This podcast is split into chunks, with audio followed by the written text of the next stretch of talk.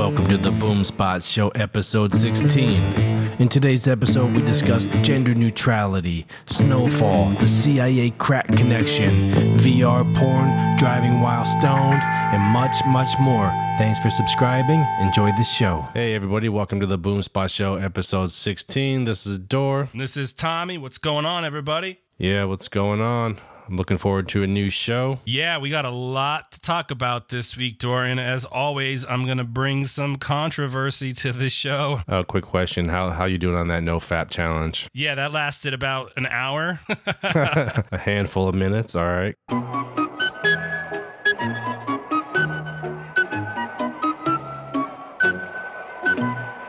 There's usually a big difference between the testosterone in men and women and boys and girls and all that. I mean, there's a lot that separates the genders. Nowadays, kids have a different outlook on life. Check this one out. Kids right now, especially Gen Alpha kids, which are kids under the age of 10, they see gender very differently. They experience gender very differently.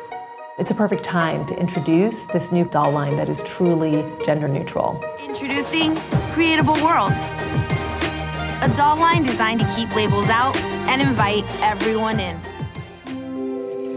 The whole objective of this doll was eliminating all the adult labels that we put on it.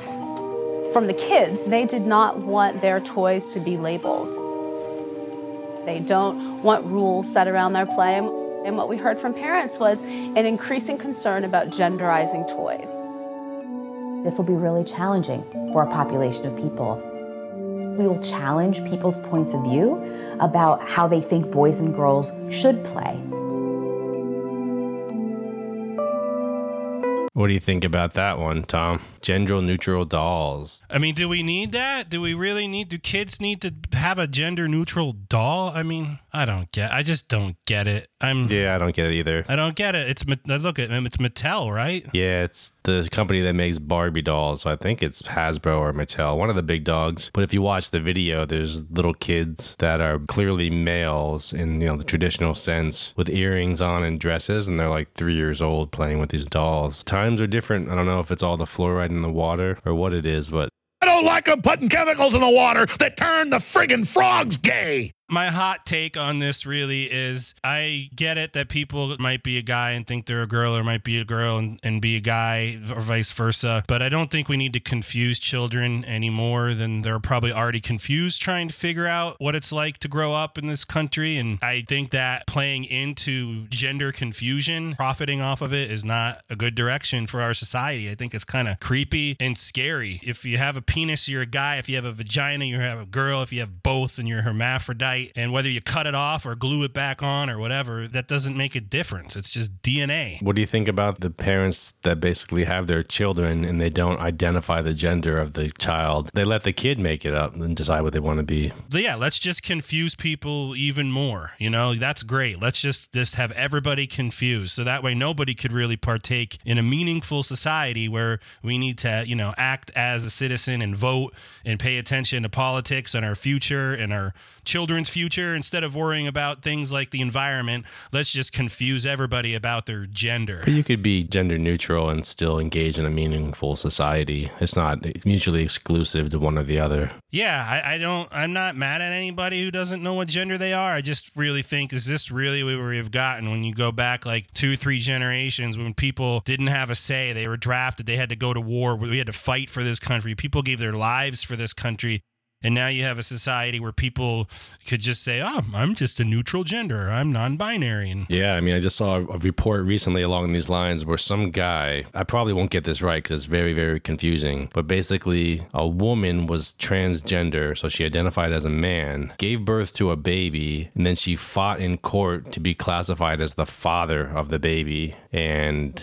she was denied. So I don't know if that's going to go to the Supreme Court or he was denied rather. So yeah, see, I got it twisted up. That's how confusing this whole yeah, gender yeah, thing yeah. is. That's what I'm saying. I, like just identify by your anatomy or your DNA, and that's it. I I mean, like I said, I had I had a friend who was a guy who dressed as a girl and would go out to the bar and go in the girl's bathroom and that creeped everybody the hell out. Mm-hmm. They're like, "Well, I identify as a female." Yeah, but you're going in a bathroom with a penis. Well, you're also in you know? Arizona where it's a little more conservative. No, this was in Pennsylvania. Oh, okay. Wow. So you know the woman on Orange is the New Black, the tranny. You know that one? Ye- Oh yeah, I totally know who you're talking about. Where my girlfriend was telling me the other day. So that one, it's a guy who identifies as a woman, but she's a lesbian. So yeah, there's that. It gets confusing. Yeah, and it's you know it's like controversy. Like I said, it's people just want attention. I, I don't even really try to pay attention to it because it just annoys Yeah. me. It's first world problems.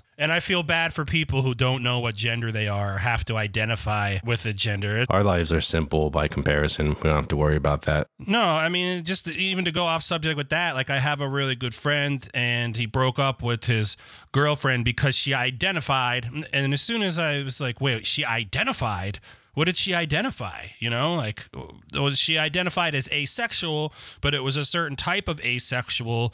It was all these like classifications of subclassifications of just bullshit. So she didn't like sex. Just it's just weird how people have this I identify as. Yeah, and like a sapien, what is it? Sapiosexual she was. She likes intelligence. Oh, okay. Well, who doesn't like intelligence? Like who doesn't like intelligence? Like Yeah, I saw the Sapio thing was in the headlines. I didn't dig into it because it's too much. So they have to be attracted to your mind before they have sex with you. Is that what that's about? Well, no shit. So now we need a label for it. Yeah, when I was when I was single a few years back and I was on the online dating apps, I was I kept on seeing this. I'm sapiosexual. Mm-hmm. I had to Google the word. of course. Yeah, because I like to think I know words, but I don't know them all. And I'm like, wow, like you're just really trying to sound smart with this whole sapiosexual terminology. Why can't you just say I like people who are intellectual? And mm-hmm. it's just, it, to me, it's like demeaning. Like it's saying, oh, I like smart people. I'll have sex with you if you're intelligent. Does that make you smarter than me because you like somebody who's smart and that's who you're going to have sex? It's just stupid. I don't know. It just annoyed me. Yeah, it's wild. You're pissing me off way too early in this podcast. My bad.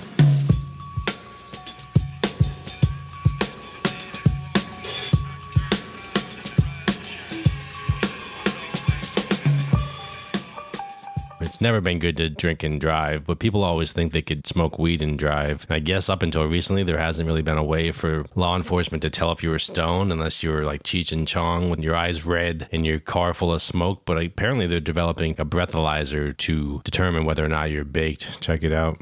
Whether you're for or against marijuana, I think everyone can pretty much agree that as laws about its use become more lax, there widens a swamp of related regulatory questions. One of these is whether weed use can, or should, be measured as an intoxicant on the roadways, much in the same way alcohol is. Mashable's Chris Taylor recently reported on a development from California based Hound Labs, who last week announced the successful completion of a clinical trial of the world's first breathalyzer for marijuana. The trial isn't exactly ironclad. It has yet to be peer reviewed or published, and the group of people tested amounted to fewer than two dozen. But Hound Labs says that nonetheless, it's the largest study of its kind ever completed.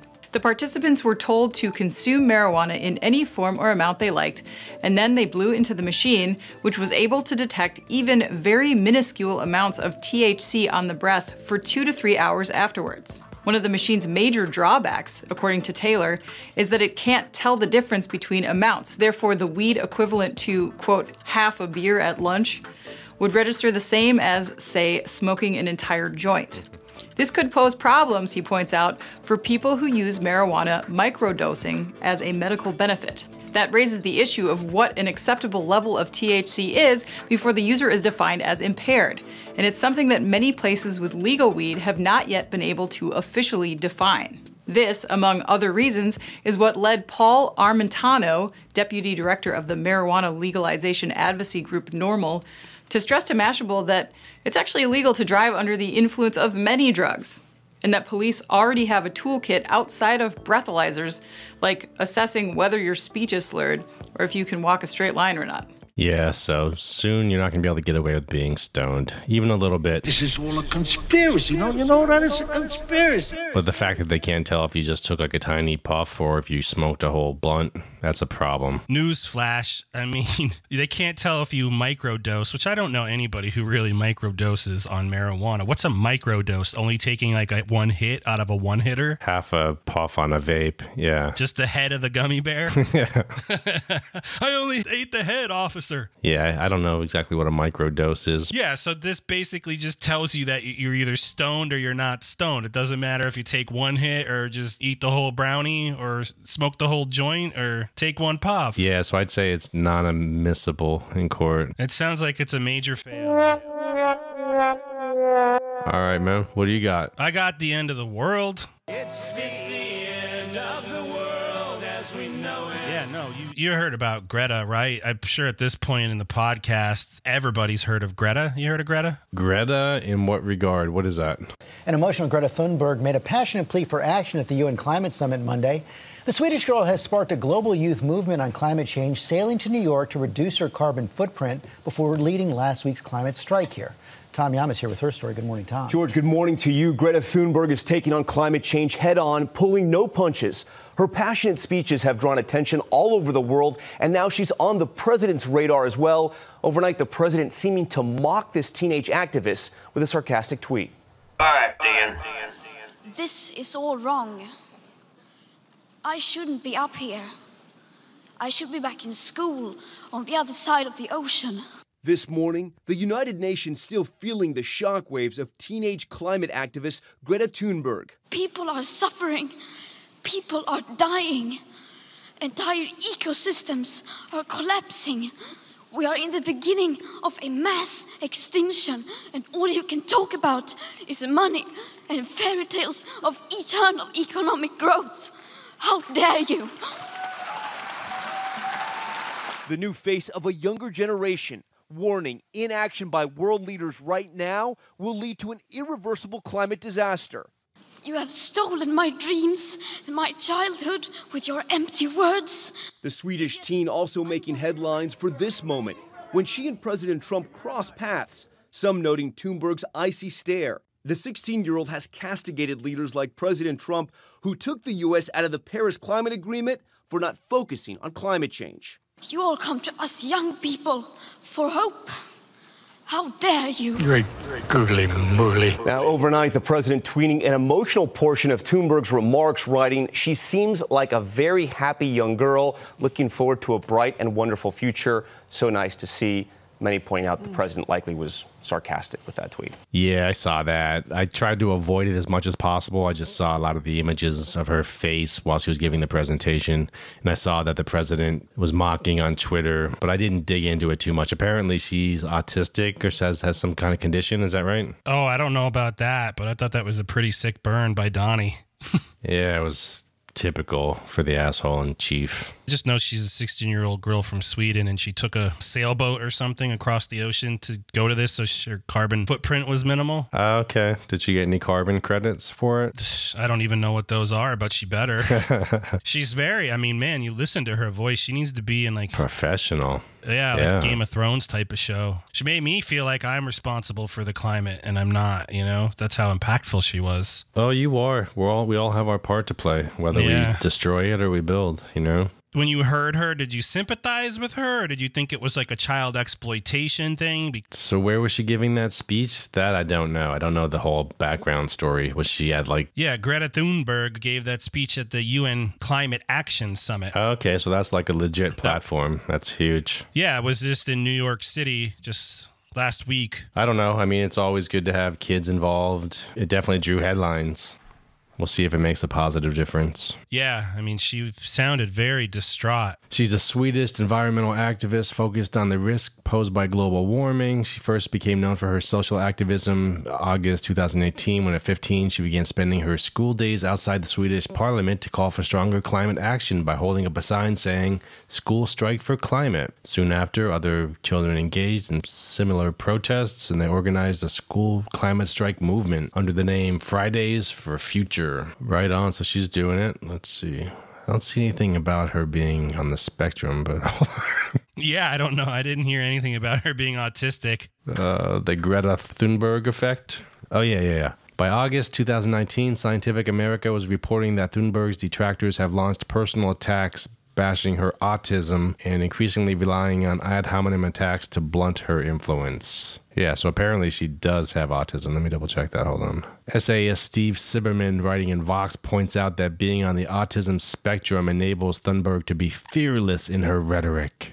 What? In Yeah. In an interview with Suyin Haynes of Time magazine, she addressed the criticism she has received online, saying it's quite hilarious that the only thing people can do is mock you or talk about your appearance or personality, as it means they have no argument or nothing else to say. So yeah, I'll cut it out. It's not really relevant that she's on the spectrum, but they're saying that she is fearless because she's autistic, kind of like Mark Zuckerberg. Yeah, that I, I'm going to do a deep dive about on the spectrum. Oh yeah, it's a huge thing. All the assholes in like Silicon Valley, all the nerds and stuff, a lot of them are on the spectrum where they don't have the social skills. They're sort of like sociopaths where they don't have any conscience and they don't care. They just do what they want to do. Not saying she is, but that's what like on the spectrum. And who, uh, yeah, who makes those diagnoses? Psychologists and probably doctors, professionals. Yeah, but I wonder if there's like a legitimate type of test that like shows it, like in a brain scan or something like that. I'm gonna have to. Oh yeah, they could definitely test for autism. Yeah, but like you could test for PTSD or borderline personality disorder. It's just professional assessment. It's not like, oh, do I have AIDS? You could do a blood test that shows AIDS. You can't do a blood test that shows on the spectrum, can you? A blood test? No. You could probably do some kind of brain wave test, I'm sure. Mm, yeah, well, that's what I want to know. Yeah, that's It's kind of cool because I've been using it as an excuse. Like, whenever I want to be like a total asshole in public, I just, oh, my bad, I'm on the spectrum. So fuck you and let me get in line first. Yeah, I'm going to have to do a deep dive. That'll be next week.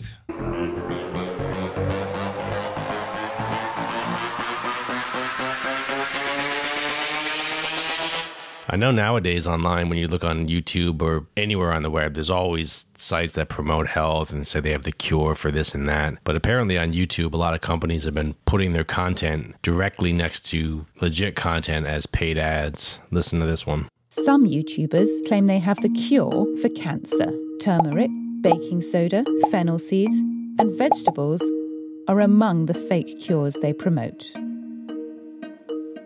BBC Monitoring searched in 10 languages and found over 80 videos containing unproven cures for cancer. YouTube's algorithm promotes these videos through recommendations. We asked Professor Justin Stebbing, a cancer expert at Imperial College London, to have a look at some of these claims.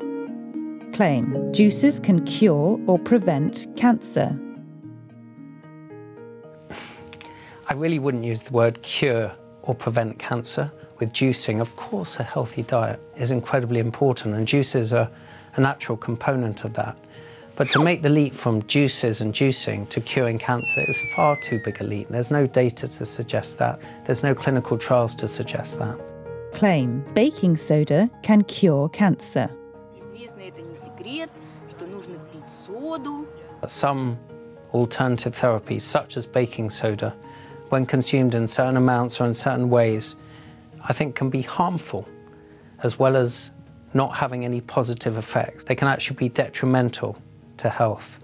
And I think baking soda is one such example, an Italian doctor being convicted of manslaughter for using it as a treatment. Claim donkey's milk can cure cancer. I'm afraid it's rather unlikely that something like donkey's milk can extend the quality or quantity of life in people living with cancer. now, I'm not saying conventional medicine has all of the answers, because it doesn't. But what I'm saying is be very careful with some alternative remedies on the unfiltered internet, making totally baseless claims. 47 of the videos the BBC found containing fake cancer cures were preceded by an advert. The creators of many of these videos are making money from the adverts which run before and during their videos, and so is YouTube. We asked YouTube if they're doing anything to stop this, and they said We have taken a number of steps to address this, including showing more authoritative content on medical issues and removing ads from videos that promote harmful health claims. Our systems are not perfect, but we're constantly making improvements and we remain committed to progress in this space. YouTube and the ad creators are making money with these fake segments that they throw up there. That's some clickbait. Yeah, that's digital snake oil, Dorian. Yeah, big time, man. And it sucks because they're exploiting people that are obviously in a dark, desperate place or know somebody who is that does have True. cancer. And it Right. it's terrible, but it's obviously legal in some way, shape, or form because they're getting away with it. As long as you're not selling any kind of medicine, you're just giving advice. I don't know. Is that how it works? As long as you're not claiming to be a medical expert, right? Yeah, you, you're saying if you're running an ad on YouTube and you're saying that, yeah, drink this juice, it's going to prevent or cure your cancer, and then you're going to pay for this juice or pay for this recipe, and you think it's going to cure your cancer. I did a Groupon for this raw cooking chef, and one of the ladies there unfortunately had breast cancer, and she said that's what she was doing to try to uh, reverse the cancer, was she's just doing juicing. That's it. I don't know if that's it Yeah, yeah. but but that was one of the things that she was doing. And actually, today I went to the place where I do my cold plunging, Mm-hmm. and they have an infrared sauna. And I was sitting in the infrared sauna with this lady that told me she had cancer, and she said that she's basically going to this place to use the sauna because the infrared light and the heat from the sauna actually does Kill cancer. kill cancer cells. Yeah, it does. And I looked that up and that is legit. So I was very happy to be enlightened by her and to learn something new. That is legit. Yeah, okay. That's cool. While we're on the subject of cancer, so I, was, Mhm. I thought that that was a pretty interesting thing to find out from a firsthand source.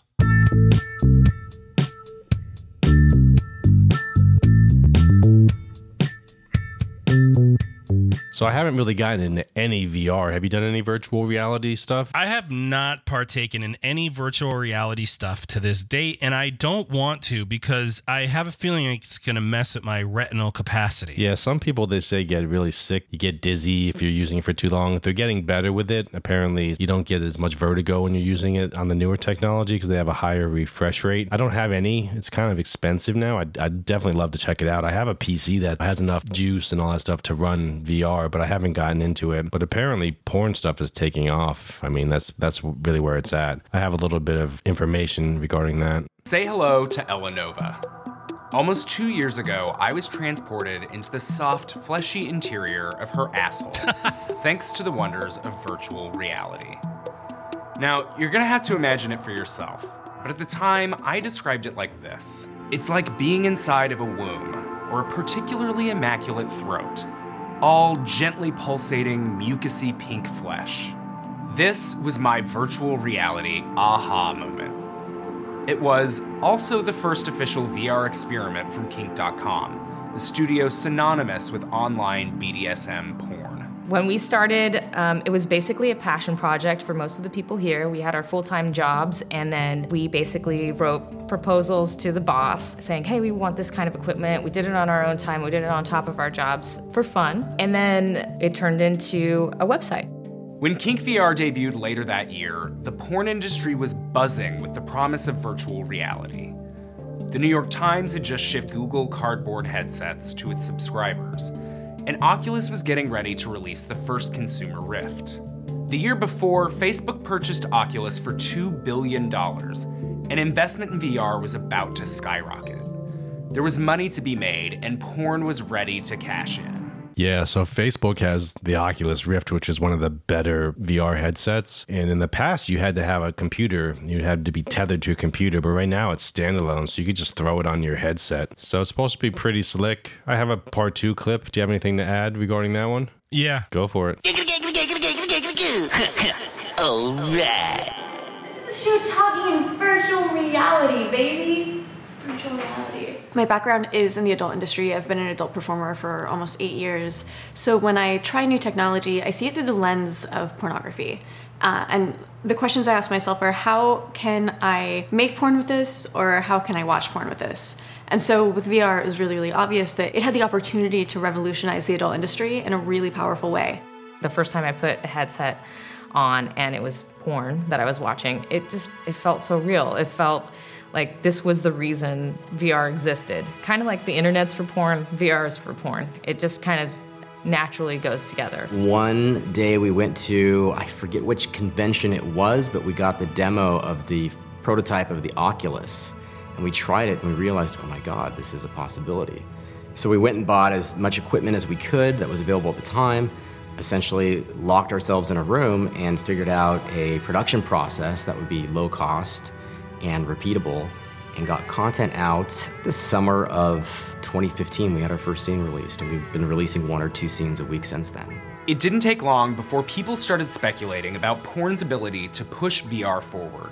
Gaming was the obvious frontrunner.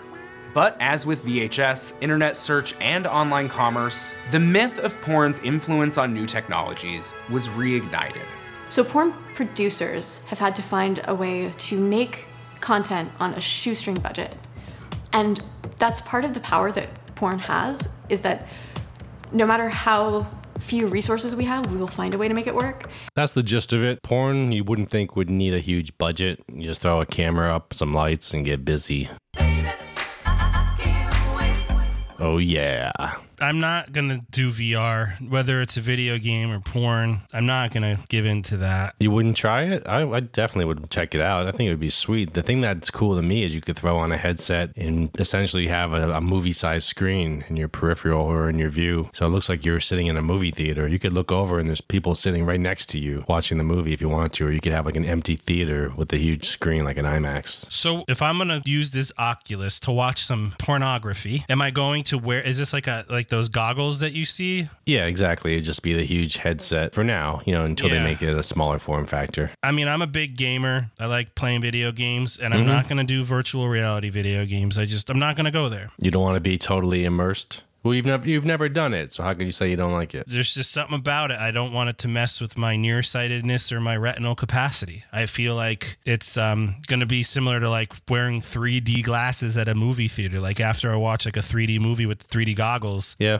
I have like this headache and just feel all sorts of disoriented. It's like trickery of the brain's natural capacity to figure out you know what our eyes are meant to do, and which is just see real things in front of us, not like this false reality. But how real is everything? I mean, Elon Musk thinks that everything is already a simulation. So once they get the technology Oh, really good, right? So he just watched The Matrix one too many times, you know?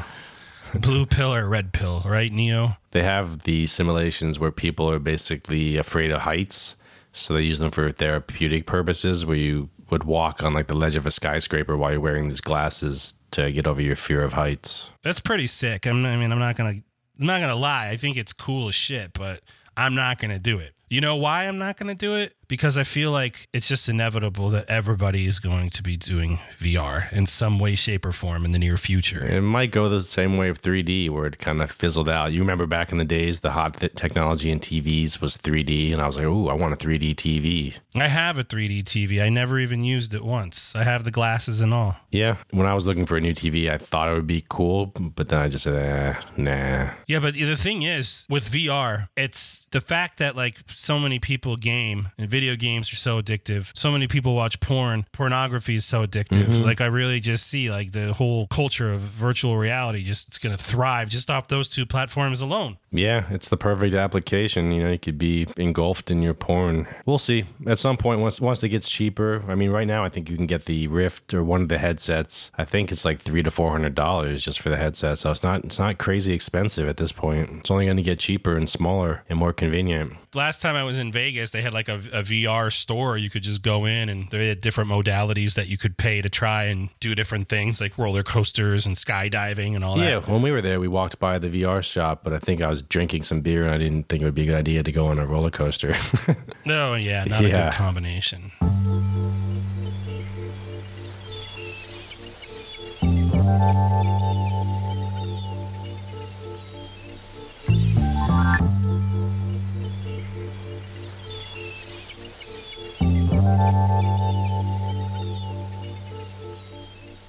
So yeah, Tommy, you've heard of the Joker movie that's coming out, right, with Joaquin Phoenix? Yeah, I'm so psyched for that movie. I love Joaquin Phoenix and I love when DC does the darker movies. This is going to be rated R. Yeah. And it's, you know, the Joker's story. So I'm going to eat this one up. I'm probably going to be there on opening night. The trailers looked freaking awesome. Have you seen those? Yeah, I, I, I haven't been this hyped for a movie. I can't even think of the last movie that I was this excited to see. I really think that this movie is going to be incredible. Yeah, definitely. It's making a lot of noise. There's a lot of hype for it. Apparently, people are concerned that it's going to cause a strong reaction. So, listen to this.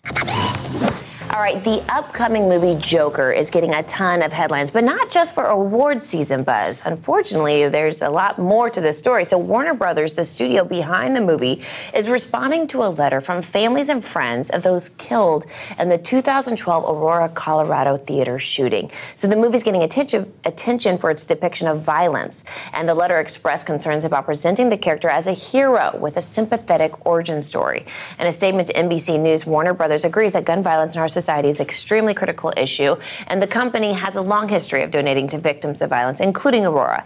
The studio adds Joker is not an endorsement of real world violence, but they believe one of the functions of t- storytelling is to provoke difficult conversations around complex issues. The families and friends of the Aurora victims are not asking for the movie to be pulled, but they are asking Warner Brothers to end political contributions to candidates who take money from the NRA and vote against gun reform. So they're calling for the studio to understand that they have a social responsibility to keep us all safe.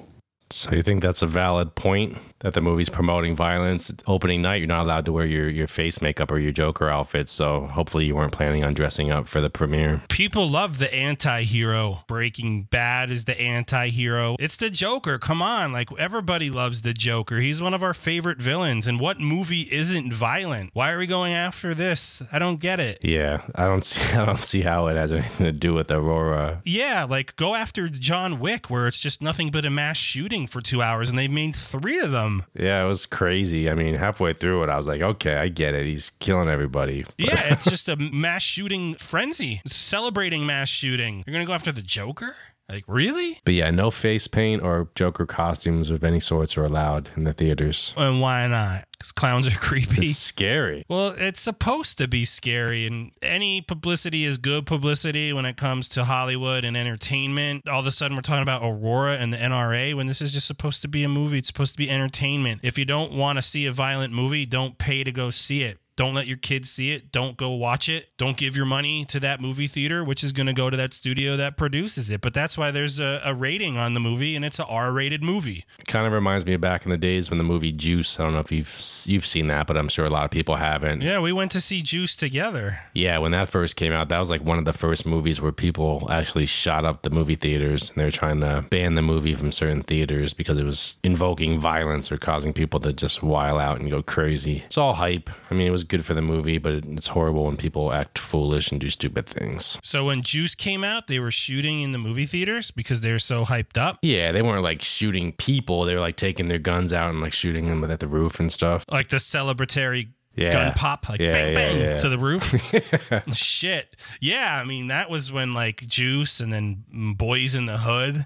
And then, Yeah. like, uh, you know, speaking of Boys in the Hood, uh, that's going to tie perfectly into my recommendation for things to stream because this show that I'm going to recommend you put me onto it. Mm-hmm. It is produced and created by John Singleton, who did Boys in the Hood, and rest in peace, John Singleton. He just not too long ago he had a stroke and he and he passed away at, only at the age of 51. Too early. This show that he did, Snowfall, you've been watching it for three seasons. I'm just about to watch the finale of season three, and uh, that's my rec. Yeah, that's my rec. You're on the final episode of season three. That's exactly what I'm going to do when we're done with this podcast. I'm going to get some snacky bites. I'm starving. I can't wait to see what's going to happen. I watched like the first 10 minutes of the finale. I'm not spoiling anything in in this in saying this, but yeah, the show gets better as it goes on. There's 3 seasons. Yeah, talk about it, Dorian. You're the you're the expert. I wouldn't say I'm the expert, but it, it's a great show. It's about the early days of cocaine and the CIA connection with crack in uh, South Central Los Angeles, where they were funding the Contras and things like that. It's a deep story. It goes all the way back to like Oliver North. Awesome show. I recommend it. two of the things that I loved about the show was it schooled me to how crack cocaine became a thing, you know, and how they took cocaine and they cooked it and turned it into this rock. And then this rock just infiltrated these black communities in Los Angeles in the early 80s and, you know, just started the whole endemic. The other thing that I love about this show is the music. The songs that they play are just so dope.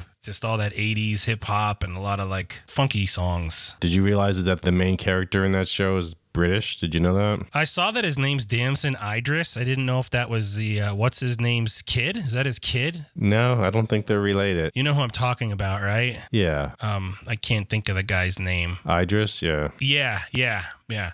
But I I did recognize. Idris Elba, so yeah, it's totally different. okay, yeah. Give me a pass on that one. But yeah, the writing in, in Snowfall is awesome. The cinematography is off the chain. The music is awesome. It's just a great, great story, and it's super entertaining. I got hooked on it at first when I was trying to watch. I was like, okay, it's cool. It's gonna be. It seems similar to like a Grand Theft Auto, where he was like running missions. Like maybe I was playing Grand Theft Auto at the time, but it seemed exactly like a, a TV show version of that game. But then it just branches out becomes an amazing show. I totally agree with you. It definitely felt like I was watching Grand Theft Auto, but yes, it, it, the show gets stronger as it goes on. And yeah, great recommendation. Let me know what you think about the finale when you see it. So you could find Snowfall on uh, Hulu. You could find it on YouTube TV if you have YouTube TV. Mm-hmm. And I think you're going to have to pay for it on like Amazon Prime. So if you have the FX channel or the FX streaming app, you could watch all the episodes on there. Here's a clip from season one. Any last words, just in case? Don't miss.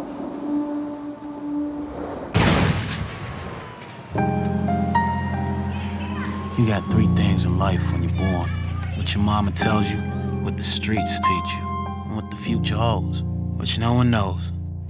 That's the one you got control over. Frankie! Franklin Saint, king of all the white boys. I- I'm here to buy. I don't sell coke to kids. What do you sell? We sell kilos to people with money.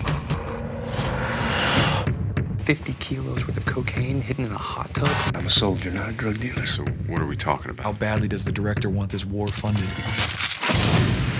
This could actually work. Those 25 kilos could net us just under $2 million. What you doing with that much gold? You rob somebody? I try to do things the right way. You know what I learned? It ain't made for people like us. And that brick, that ain't worth the trouble that it come with. You know what? I'm rewriting the rules. You do not have my money. Where is it? Where's my money? Oh,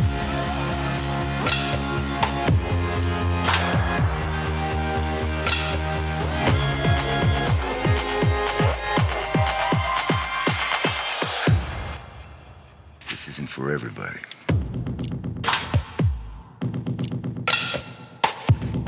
So yeah, people out there, check out Snowfall on FX. It's basically about 1983 and the crack cocaine epidemic in its infancy in Los Angeles. Got a 7.9 out of 10 out of IMDb, 80% on Rotten Tomatoes. All right, everybody. Thanks for tuning into the Boom Spot Show, episode 16. Check us out on Instagram at the Boom Spot Show, Twitter, the Boom Spot Show, and theboomspotshow.com. Peace. Listen to this. I'm focused, man. I don't like them putting chemicals in the water that turn the friggin' frogs gay. Our country is in serious trouble. With their hippin' and the hoppin' and the bippin' and the boppin'. Wow. From my cold, dead hands.